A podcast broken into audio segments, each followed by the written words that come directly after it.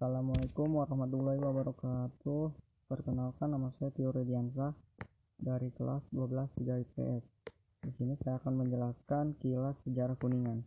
Pemerintahan Kabupaten Daerah Tingkat 2 Kuningan telah menetapkan peraturan daerah nomor 21 DP 00 00 11 1978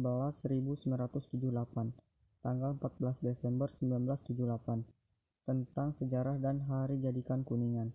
Berdasarkan peraturan tersebut, sejarah Kuningan disusun sejak mulai ada tanda-tanda pemukiman atau perkampungan yang mempunyai pemerintahan hingga perkembangan sampai sekarang.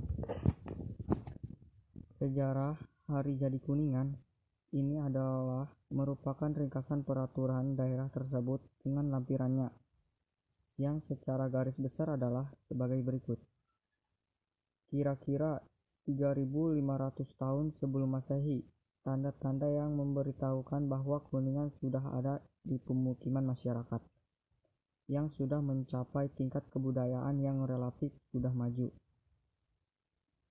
Hal ini berdasarkan atas hasil peninggalannya yang ditemukan di wilayah Kuningan suatu pemukiman masyarakat dimaksud baru terwujud dalam bentuk suatu kekuatan politik seperti negara. Sebagaimana dituturkan dalam cerita para hiangan dengan nama Kuningan pada tanggal 11 April 732 Masehi. Negara atau kerajaan Kuningan tersebut adalah sesudah penobatannya Suwe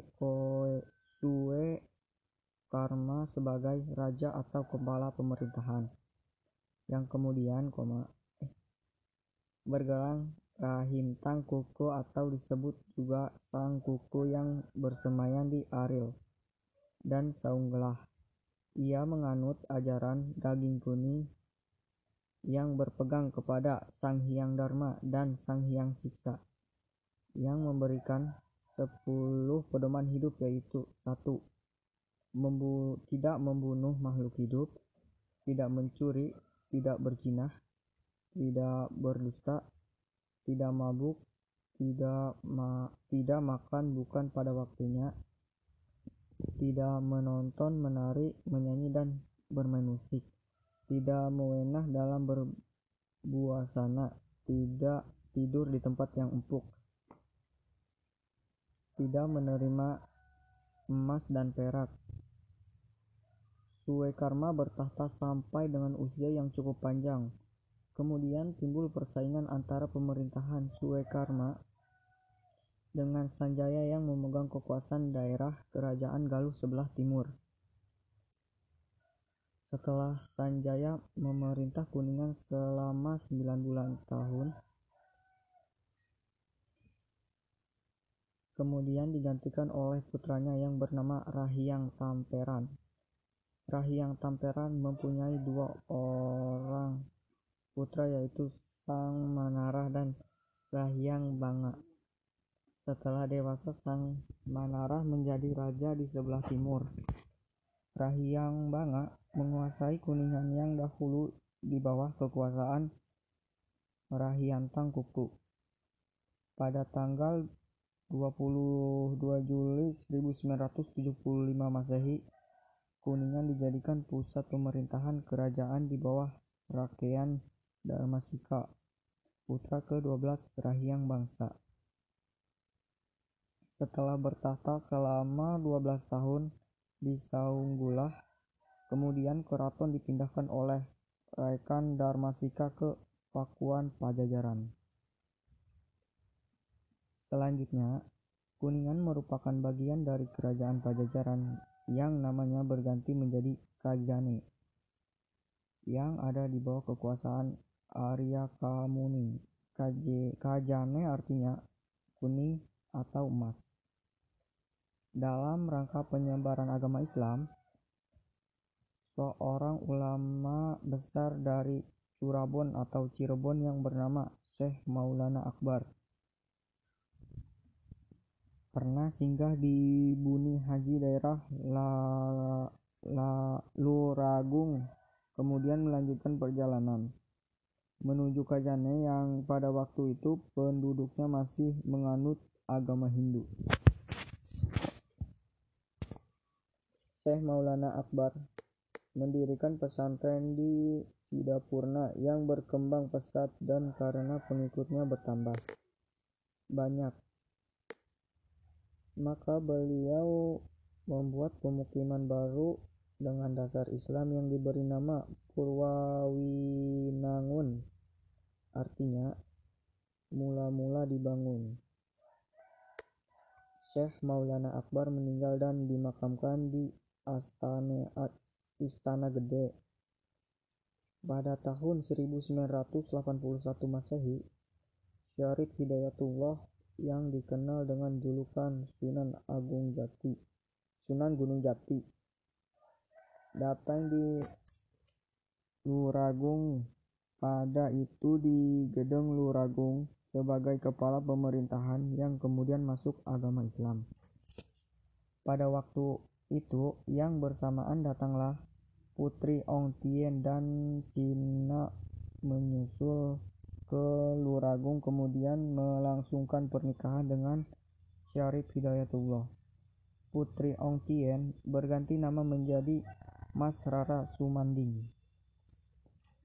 Syarif Hidayatullah istri dan istrinya Ong Tien pada waktu itu sepakat untuk mengangkat Putri Ki Gedeng Luragung yang masih bayi menjadi putranya yang diberi nama Sang Adipati. Syarif Hidayatullah bersama Ong Tien dan putra angkatnya kemudian berangkat menuju Kajane. Pada saat itu, yang menjalankan pemerintahan Kajane adalah Pangeran Arya Kamuni yang menganut agama Hindu dan kemudian agama Islam. Sang Adipati dipercayakan kepada Pangeran Kamuning untuk dididik dengan baik. Selama sang adipati belum dewasa, maka Pangeran Arya Kamuning ditunjuk oleh Sunan Gunung Jati sebagai kepala pemerintahan perwalian di Kajane di bawah kerajaan Cirebon. Setelah sang adipati dewasa, tepatnya pada tanggal 1 September 1998 Masehi, Sang Adipati dinobatkan menjadi kepala pemerintahan Kajane yang menggelar yang menggelar sa, yang bergelar yang bergelar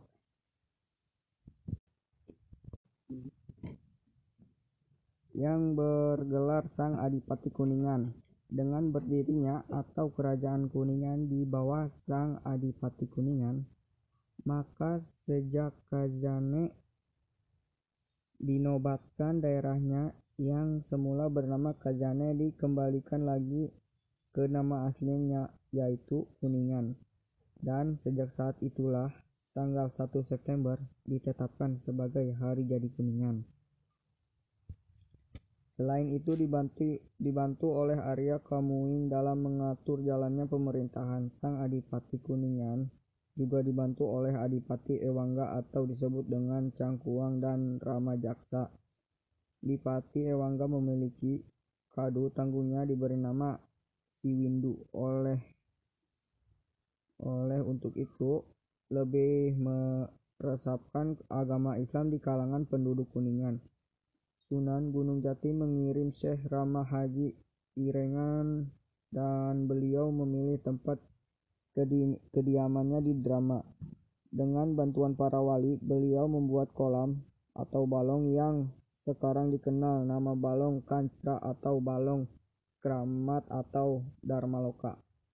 Sang Adipati Kuningan bersama pasukan Kuningan di bawah pemerintah Cirebon telah turut serta bertempur untuk menduduknya Galuh dan membantu mendirikan pemerintahan Wira Wiralodra di Indramayu di bawah pimpinan Fathalih Cirebon. Pasukan Kuningan juga ikut menggempur Sunda, Kelapa dan turut serta mendirikan pemerintahan Jayakarta sehingga pasukan dari Kuningan adalah yang menetap di Jayakarta dan sekarang nama Kuningan Kurir menjadi nama salah satu kelurahan di wilayah Jakarta Selatan yaitu Kelurahan Kuningan.